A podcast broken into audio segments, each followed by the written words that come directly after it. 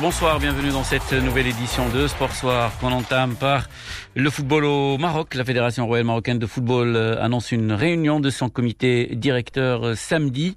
Au menu, le lancement de la saison 2020-2021, la situation financière des clubs et le transfert des joueurs, explique un communiqué de la euh, Fédération une réunion par visioconférence. La fédération annonce également le tirage au sort de la Botola Pro, première et deuxième division, tirage au sort prévu ce dimanche au complexe Mohamed VI de Marmora. En Algérie, la fédération a décidé de maintenir le système de compétition du championnat 20 clubs et 38 journées. La Fédé qui refuse de revoir la formule comme souhaité par certains clubs. La décision a été prise au cours d'une réunion du bureau fédéral aujourd'hui sous la présidence de Kherdin Zachi, le patron de la FAF. Il incarne le beau jeu à la barcelonaise et s'est fixé comme mission d'apporter le triomphe européen à Manchester City. Pep Guardiola a prolongé aujourd'hui jusqu'en juin 2023 son contrat d'entraîneur des Citizens. À 49 ans et en un peu plus de 4 ans, le Catalan a imprimé sa marque sur le club qui n'a pas hésité à mettre entièrement sa destinée entre ses mains. Aurélien Devernois, notre consultant pour le football anglais. Est-ce une surprise? Je dirais pas que c'est une surprise parce que il avait quand même pas envoyé des signaux laissant entendre qu'il voulait partir. Euh, Pep Guardiola, il faut dire que vu le contrat qu'il a à Manchester City, euh, on hésiterait à sa place à aller voir ailleurs hein, parce qu'il gagne quand même, je pense, aux alentours de 20 millions d'euros par an euh, de salaire. Mais c'est vrai que on pouvait se poser des questions sur les intentions des dirigeants du club parce que si Pep Guardiola a quand même très largement honoré sa part du contrat pour ce qui est de la première ligue, en Ligue des champions, ben, les désillusions s'enchaînent et, c'est vrai que cette élimination euh, contre Lyon euh, lors euh, du Final 8 à la fin de l'été a quand même été plutôt euh, mal perçu du côté d'Abu Dhabi et, euh, on, se demandait si euh, Pep Guardiola allait survivre à, vraiment à cette contre-performance.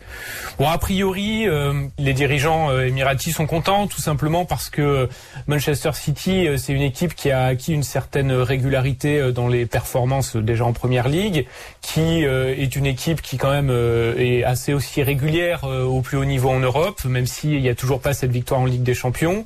Et puis parce que le groupe qu'a créé euh, Pep Guardiola est quand même un groupe euh, qui est toujours en progression, sur lequel il y a eu beaucoup d'investissements encore euh, cet été. Ça n'aurait pas été très cohérent de la part des dirigeants de ne pas laisser Pep Guardiola finir la saison et le laisser avec un, un, statut contractuel un petit peu incertain. Voilà, Aurélien Devernois, notre consultant pour le football anglais. Pep Guardiola prolonge donc de deux années à Manchester City. Objectif, bien sûr, le rêve de tout euh, supporter des Citizens et des patrons émiratis du club, un titre européen, la Ligue des Champions. Après la débâcle historique de l'Allemagne face à l'Espagne 6-0, une grande majorité des fans aimeraient voir Joachim Löw, le sélectionneur allemand, quitter son poste. Ainsi, 84% de 1100 supporters de la Mannschaft interrogés souhaitent le départ de Joachim Löw et d'Oliver Boerhoff, le directeur de la fédération allemande et supérieur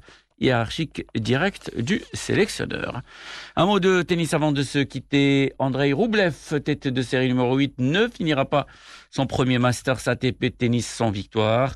Le Russe a disposé 6 de 7-5 de Dominique Thiem, déjà assuré de sa place dans le dernier carré.